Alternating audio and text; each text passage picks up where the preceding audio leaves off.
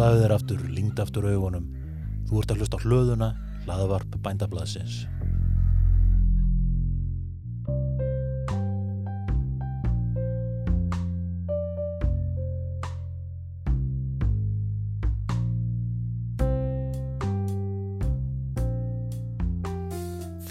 Öryggi er til staðar þegar allir menn á öllum tímum hafa raunverulegan og efnahagslegan aðgang að nægum, heilnæmum og næringaríkum mat sem fullnæðir þörfum þeirra til að lifa virku og heilsusamlegu lífi.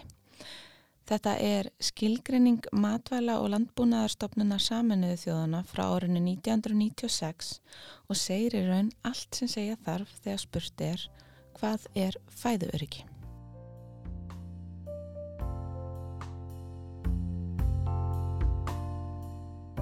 Þetta orð og hvað það felur í sér hefur verið mér hugleikið um nokkurt skeið. Ætlun mín er að gera fæðu öryggi skil í nokkrum þáttum hér á hlöðunni hlaðvarpi bændablasins. Ég heiti Guðrún Hulda, er starfsmaður bændablasins og rekta mat í gardinu mínum í hjáverkum.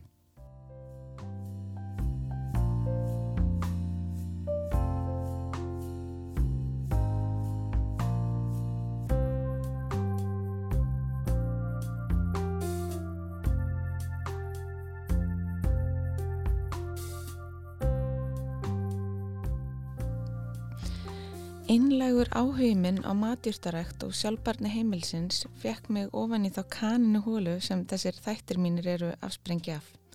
Ég hef velt fyrir mér hversu hátt hlutvall af mat heimilsins ég gæti raunhæft borið í hús frá ætigarðinu mínum og gert smá tilrunir til þess.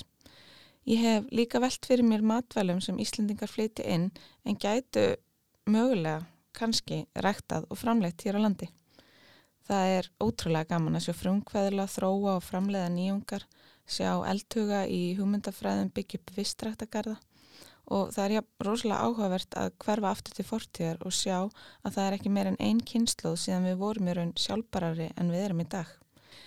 En handan útabískrar hugmyndar um Ísland sem sjálfbæra matarkistu minnir hvem leiður raunveruleikin okkur á að við erum eiland á norður hjara veraldar Við erum hlut af heimi háð aðflutningi. Við erum rúm 300.000 einstaklingar í heimi sem þarf að fæða 7 miljardar. Loftlagsbreytingar, pólitík, viðskipti, heimsfaraldrar, þetta hefur allt áhrif. Og ég ætla að gera alluga því að tekla öll þessum mál á sem aðgengilegastan hátt í þessum þáttum. En byrjum á sögunni, spólum aftur um 45 ár.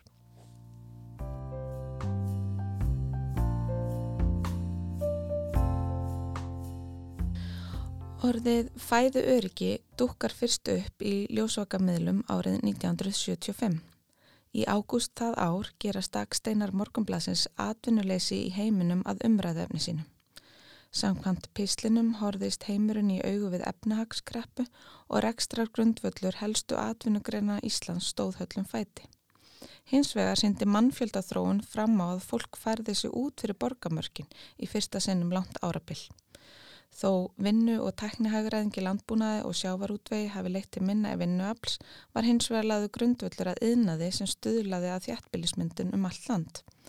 Ráefni úr landi og sjó var þá unnin áfram í bæjum og kringum það skapaðist ímis yðnaðar og verslunarþjónusta og nefni greina höfundur Húsavík, Söðakrók, Blöndás, Selfos og Egilstaði máli sinu til stuðnings.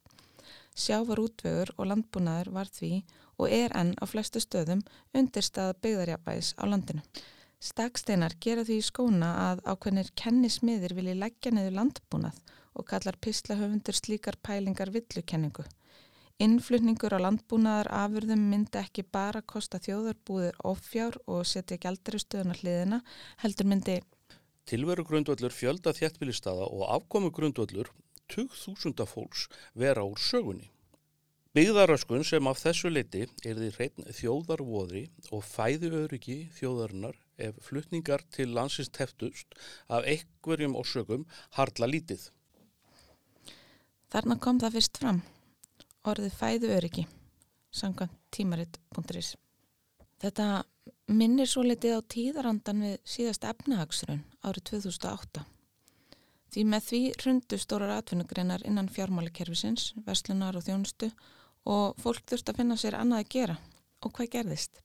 Ferðamanna yðnaðurinn sprakk út, fyrst í Reykjavík og svo um landa allt. Atunutækifæri í ferðarþjónustu og afleitt störf glættu smæri byggðar kjarnalífi. Færsla og reyfing er kannski eitt af eðlið þrengingatíma. Fólk og fjármagn færist millir handa á staða, einsmanns döði verður annarsmanns brauð og allt það. Og hugtækið fæðu öryggi er eitt af þessum orðum sem kom upp á yfirborðið í kreppum en lætur hann að slíti fyrir sér fara. Fólk er ekki mikið að spá í þessu þegar allt leikur í lendi. Við bara treystum því að geta gengið að nægu mat í næstu búð. En til þess þarf ákveðið framleiðslu og flutningskerfi að virka eins og smörðu vel og það þarf í raun harla lítið til að velin högti. Árið 1989 skrifuðu Ólafur Ólafsson þá landlagnir og Dr. Björn Stefansson grein í morgumblæði sem bar heitið Fæðu öflun á þrengingar tímum. Þótt orðið fæðu öryggi hafa ekki byrst í þessari grein reynist hún ágætt yfirlit yfir það sem mögulega hefði geta ógna fæðu öryggi þjóðar á þeim tímum og greinin stennst að einhverju leiti tímast tönn. Íslitingar eru eina auðugustu þjóðum heims. Við búum við gott efnahagslegs öryggi og höfum nóg til að býta og brenna. Skortur á matfengum er því flestum fjarlæg hugsun. Erum við vel búin til þess að mæta meiri háttar vá? Greina höfundar kynna til sögunar þrjá stóra þætti sem þeir flokka eftir hversu hratt áhrifavald þeirra geti haft á öryggið. Fyrst nefna þeir skyndivá á borðið eldgós og jarðskjálta sem gætu raskað landbúnaðaframlegslu og var í því samhengi minnst á móðuharðindin. Síðan þá má náttúrulega nefna eldgósið í eigafjallajökli. Næst setja þeir ólíuskort, mengun, kjarnorkusleis og stríðsátök allt undir sama flokk. Um, allt þetta eru mögulegar ástæð þess ekki verið hægt að veiða og neyta sjáafanga auk þegar sem aðflutningar getur tefst. Á þessum árum var orðið gróðurhúsa áhrif nokkuð nýtil komið en vísindamenn voru farinir að benda á hættur af viðtækri gróðureyðingu vegna hægfara breytinga á veðurfari sem Ólafur og Björn tiltóku sem þriðju stóru vá við fæðuverki. Þeir spyrja þarna árið 1989 hversu traustum fótum innlend fæðuöflun standi og svara því um leið á þann veg að nokkurt viðnám sé fólkið í bústofnilandsins. Starfs, reynsla og þekking á honum eru þar mikils virði. Ræktað land og gróðurhús fel í sér tækifæri til enn meira öryggis. Fæðubyrðir séu öryggisventil, hvort sem er úr sjó eða af landi.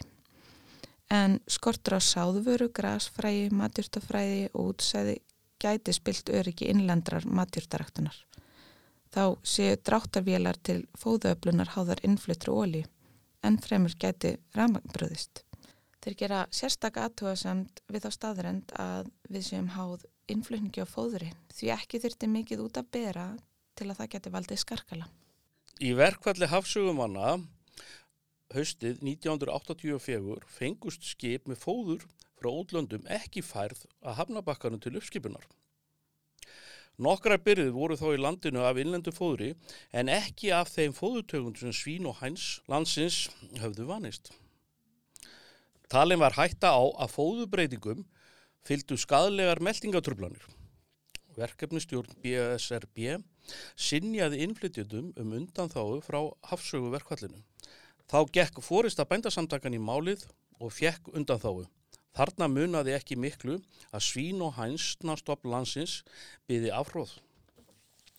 Mér bráð þegar ég las þetta því til er nýlegra dæmi sem svipar mjög til þessa. Lefum doktor Ólafi Dýrmundsinni að segja frá. Já, svo kemur þátturinn heldur betur að við erum eiland og, og við þó það séu góða samgöngur þegar allt leiku við lindu og allt er eðlilegt þá getur það, það getur rofnað og, og það þarf ekki ófrið stríð til. Ég hef oft nefnt eitt dæmi sem er bara nýlegt, það er ekki nefn áratugur síðan það skeiði, rúmur áratugur. Það er haustið sem að bankarhrunni verður, 2008.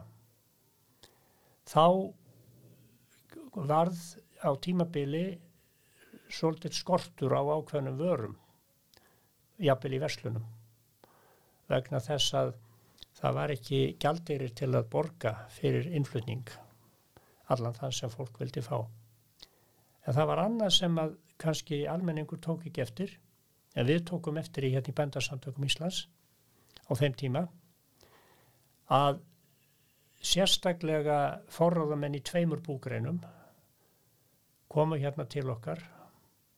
Það var alifugla framleyslan, bæði egg og kjött og svínaframleyslan og þeir tjáðu ráðamennu hér í húsi og einni ráðherra, landbúna ráðherra á þeim tíma að það væri ekki að verða, það væri að verða kortlust. Korn til, til þess að ala þessi dýr, til þess að framleiða kjötið og ekkið og allt það. Og uh, ég var fenginn til þess að, að framkvæmta stjóra hér að uh, kalla saman til fundar hérna á bókarsafninu sem þá var helstu aðila sem getur komið að þessum málum og í samvinnu við forráðamenn þessara búkarinnafélaga þá voru tvö búkarinnafélag sem stæðsandi Arifuglana og svo Svínaræktafélagið, Svínin og voru kúabendur, voru líka með vissar áökjur og það var fengið fyrst fullur á ráðuneytinu, fullur á almannavörnum og svo framvegis. Og við höfum verið í góðu sambandi að við verið í vinnu, vinnuhópum þar út af fæður ekki áður hjá almannavörnum. Já, já, það var fundaginn á bókarsafni að verum 20 manns og þá var því bara líst að það væri skip með korn sem að ætti að vera komið, ætti að koma fljótlega en það væri stoppað út í Evrópu vegna þess að það væri ekki búið að borga fyrir. Það var ekki gældeiri til að borga skipsfarmin og ef að þessi skipsfarmin kemi ekki þá er það ekkert korn handa svínum og alveg eftir svona fjóra vikur bara svona. Og þetta var akkurat skipið sem átti að þetta var korni sem átti, þurfti að fá til þess að geta haldið eðlilegri framleyslu og var, þetta var mjög erfitt. Þetta var bara rétt þarna þegar að rétt þarna í snemmi í óttobur þegar að bankarhraunni var og þetta er allt til hér bókað hjá okkur og ég hef náttúrulega skrifað um þetta.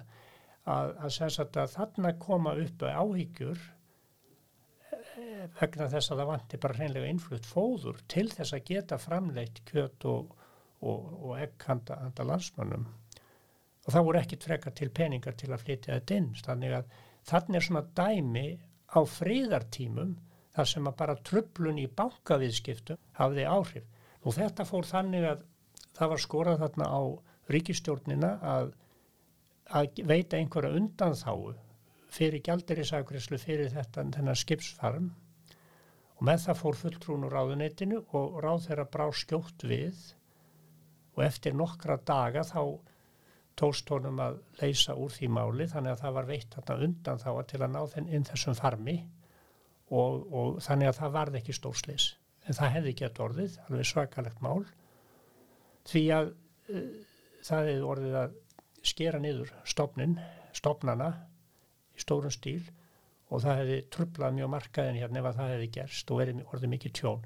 Þannig ég nefni þetta oss en dæmi að tiltölulega litlar trublanir, þó það sé ég sjálfur sér stórar, þær geta haft áhrif á, á, uh, á, á hérna, frambóð á fóðri og, og matvælum og ekki síst á, eigu eins og Íslandi. Síðar í þáttaröðinu munu þið heyra meira í Ólafi en áfram með söguna. Ég fletti á tímaritt.is og skannaði greinar sem innihjælt orðið fæðuöryggi. Orðið byrtist tvísvarsinnum í fjölmjölum frá áraunum 1970 til 1989. Á nýjönda áratögnum 36-innum síðan þá hefur orðið dúkað reglulega upp. 242 sinnum á árinu 2000-2009 og svo 536 sinnum á síðasta áratug.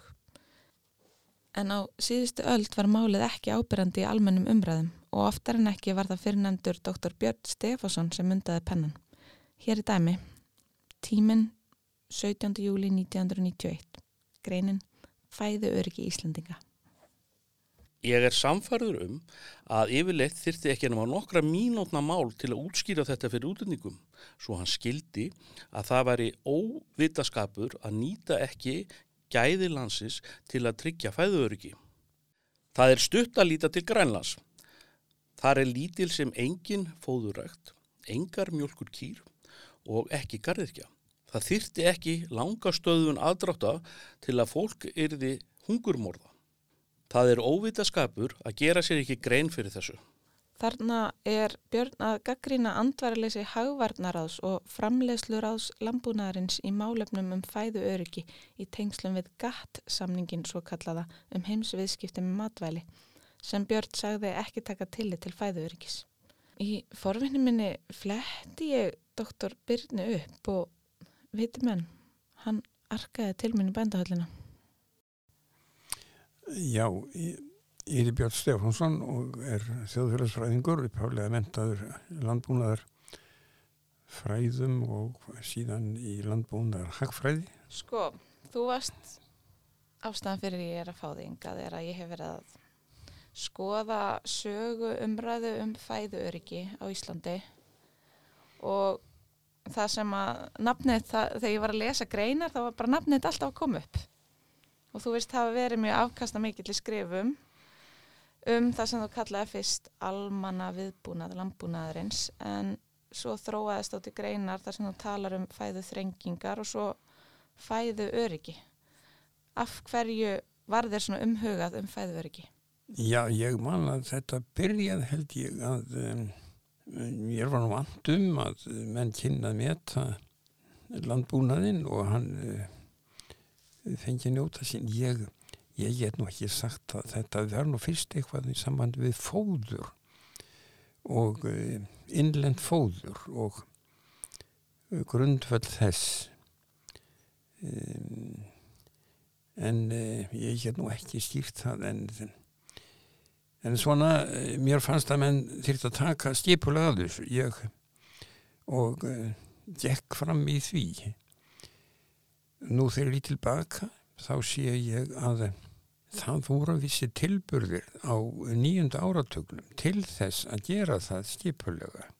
Og um, það var til hagvarna ráð og um, svo var til örgismála nefnd hún var á vegum forsættisráðunitsins og e, það reyðist upp fyrir mér að ég, ég fór þangað eh, Albert Jónsson var þar, ég held að hann hafi síðan orðið almenn starfsmæður í utrækisráðunitinu e, þeir sögðu mér þeir voru tveir, ég man ekki hver hinn var að þegar það verið að ræða við menn Erlendis þá væri alltaf fyrsta sem þeir væri spurðir um hvernig er hátt að fæðu er í öryggi Íslands.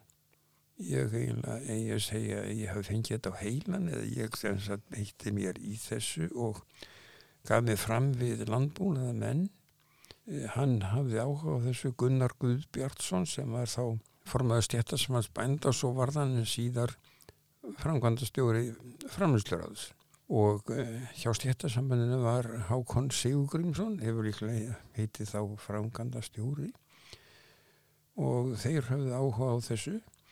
Og svo dróðum við inn í þetta eða ég menn úr heilbriðismálum ég var nú málkunnur Ólafi Ólafssoni landlækni. Og uh, Gunnar hefur stopnað til fundars hérna í bændahöllinni þar sem voru menn, það var ráðnundistjórin úr hilbreyðsmálaráðnundinu, Pál Sigursson og landlæknir og svo mann ég líka að ráðnundistjórun í landbúnaráðnundinu kom ekki og kom engin stýring. Þegar ég hugsaði um þetta á eftir, ég tók þetta nú persónulega, ég held að hún var lítið um mig. E, en, en þá er þetta rétt hugsað, sko, þetta er ekki landbúnaðamál, þetta er almennt þjóðumál og á að vera á forræði bæði fórsættisráðunit sem öryggismál og sem helbriðismál hjá helbriðismálverðanitinu. E, síðan þá reyndi ég að fá átt að breyðara e, sjónarhort með því að við semdum saman við Ólafur Ólafsson, landlagnir, Grein hann samti sko uppkastið. Ég tók að, að ekki svona beina afstöð til hvað, hvernig staðan væri hann en hann gerði það með þessari reyn og ég náttúrulega tók þátt í þeirri samningu þegar hann uppkastil á fyrir. Nú, nú þegar ég er spurður um þetta mál núna þá hef ég sko ekki leitt hugana því 25 ár sérstaklega og það var aldrei mín meining annað en að koma ábyrðin á einhvern og við erum að líta á það ef, við hugsaum landbúrunamálin þau eru þegar svo flókin og það er svo margt að líta á. Nú svo eru líka svo marga takmarkanir núna utan frá, það er bæði aðildinn að Európska efnarsvæðinu sem er miklu ítækar en menn held, hún er því 1993 eða 2 og uh, það eru líka lofslagsmálin og svo eru náttúrulega hefur óskaplega breytingar á búnaðar háttum á þessu tímabili. Þegar ég kem fyrst uh, hérna til starfa þarna sem er ístur búnaðarblæðsins þá, þá eru hér um 6.000 bænda heimil og það er einlega kýra á öllum bæjum. Og ég skal ekki segja einlega hvar við erum stönd sko.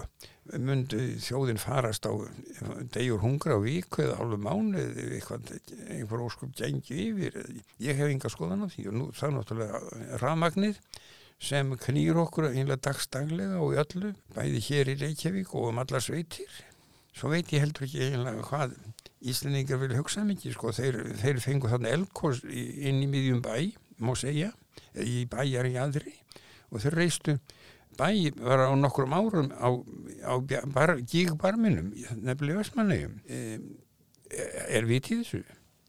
Nú það talað um það að setja flugvöld í eldröyni þess að við sem er ekki fyrir fyrir sunnan í, í Hvassarhönni aðalflugvöldurinn er þegar svo að segja um eldröynasvæði ég veit ekki hvað menn eru fúsi til að hugsa um þessi mál og það var eins og ég segi viðleitni þarna á nýjönda áratögnum sem mér sínist hafa hafa bara horfið um, Þið skrifuð ymsar greinar þar sem þið voruð einmitt að reyna að hvetja til meira utanumhalds og meðvitund um fæðu öryggi sérstaklega þarna í byrjun sem að tíunda áratöksins 1991 1990 en hvað gerist svo? Getur aðeins farið yfir söguna? Já, þetta á 8. áratögnum þá er þá kolnaði veðufar og verða hækkaði mm.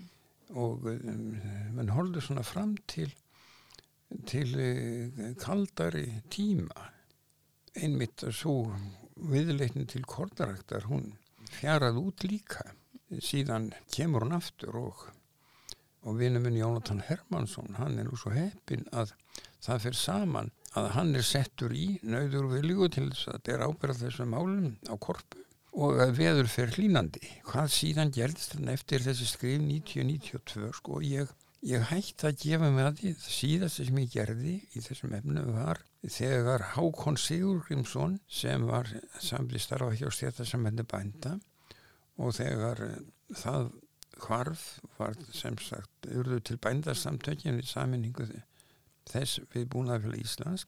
Þá fór hann til starfa í landbúnaðar áðunitunum og á, sömu, á sama tíma var annar maður úr flóanum Guðun Ágúrsson Ráðherra. Og uh, mér fannst rétt að láta Guðun að vita af því sem Hákon hefði gefið sig að meðan hann starfaði hérna í bændahöllin í, í sambandi við áhuga mál mitt fór til Guðuna og uh, síðan hef ég ekki gefið með þessu málu reyndar spurt Hákon hvort því að hafi verið sendt í ráðuneytun og hann hvað ekki svo hafa verið. En, en ég, ég sé eftir á að staðurinn er fórsættis ráðuneytið og helbreyðismála ráðuneytið sko, mm -hmm. fyrir þessi mál. Af hverju?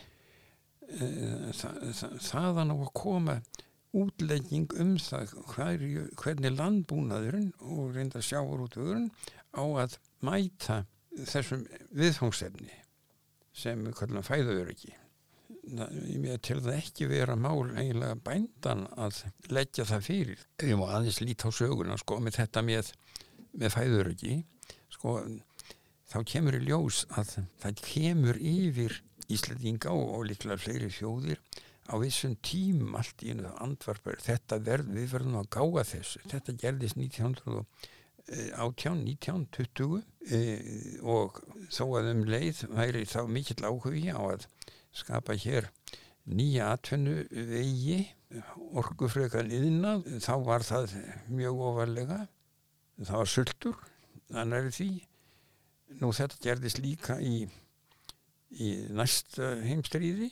Þá til dæmis þaðan er það komið að hafa sett að hafa hátegi hér klokkan hálf tvöð. Það byrjaði með því að menn þurfti að rækta kartablur. Það þýtti ekki að býða eftir kartablur frá útlandum og, og verkamenn hafði nú allt í einu fengið fulla vinn og, og haustinn í ágúst og september þegar að taka upp þá er það svo dimt og þá var ákveð að færa tíman til þannig að þeir fengu þarna viðbúnda tíma, klukkutíma á kvöldin til að þakka kartöflunar sem voru hérna í hundruðum og þúsundum skipta kartöflugarðar hér um, um borgina og þetta var stórum mál sko bara að bjarga sér. Síðan kemur eftir stríðið að, að þá lítur vel út með, með útflutning á, á kjöti um 1950 það eru til dæmis menn sem er engir bændamenn sérstakir sko hagfræðingar Benjamin Eiríksson, Óla Björnsson þeir fara um landið og þeir sjá þessi geifurlegu sem góðu skilirði til að auka framleyslu og leggja það til við ríkistjónina svo er bara heimurinn svo fljótur að taka við sér að fyrir en varir þá eru allir markaðir fullir. Þannig að svona hefur þetta komið yfir okkur Íslandinga eh, hvað eftir annað að að menn var fundið allt í hennu út frá því ástandi sem er að nú verður við að keppast við að bæta úr þess og, og trista þessa matvæla framleyslu. Svo breytast forsendur og höfðu menn upp í orðum þetta núna í kófinu síðastlinu vettur um, um fæðuður ekki og þá kemur að því Já, hvernig gerist það? Kostar ekki eitthvað? Og, og þetta gerist á tíma sem er fjárhagstrengingar hjá almenningi. Er það, er það góðu tími? Og svo framvegis, það er svo margar, margar árægstar. Nú á þessu tímabili síðan ég hætti að sinna þessu, þá kom, náttúrulega til kortræktin hér með línandi veðufæri og, veðufæri og, og uh, með því var það að draga talsveit mikið úr fóðurinnflutningi en á móti kemur að uh, þær búkarinnar sem nota korn, njóti ekki græsræktar, þeir hafa aukist mjög hér. Þetta er eitt af mörgur sem hefur breytt allu hér með nú svo eins líka með hvað heimilinn sinna miklu minna eigin matalöflun, menn voru með gardhólu, þetta tilherði bara heimilónum. Hvernig myndur ef, ef við fyrir bara inn á, inn á þitt, þitt heimili, hvernig stendur fæðu öryggi á þínu heimili ef að frá með í dag að búðir myndi loka og þú getur bara ekki keift neitt eða fengi neitt. Hvað heldur að þú hefðir matarforða til langs tíma? Það er ekki til margra daga. Ég er ekki með neitt sem heitir búragagn. Ég myndi eiga havramjöl í, í nokkra vikur en e, og ég á kannski tvo sláturkeppi sem liggja í misu en eru kiftir sóðnir í mjölabúðinni nei, ég, ég, ég myndi ekki lifa lengi sko af því. Og ég hef ekki aðgangan einu sem þó ég komi nú á eitt bæ upp í sveit yðurlega sko þá er ég bjargar lítill nei. Átt ekki meira kaffi? Já, meira kaffi, jú Ég held ég ætla að setja lokapunkt hér í bylli. Á næstu misserum mun ég byrta við töl sem vonandi varpa ljósi á fæðu öryggi á Íslandi. Ég hef átt svo ótrúlega áhugaverð samtöl við alls konar fólk sem á einn eða annan hátt hafa velt þessu sama fyrir sér.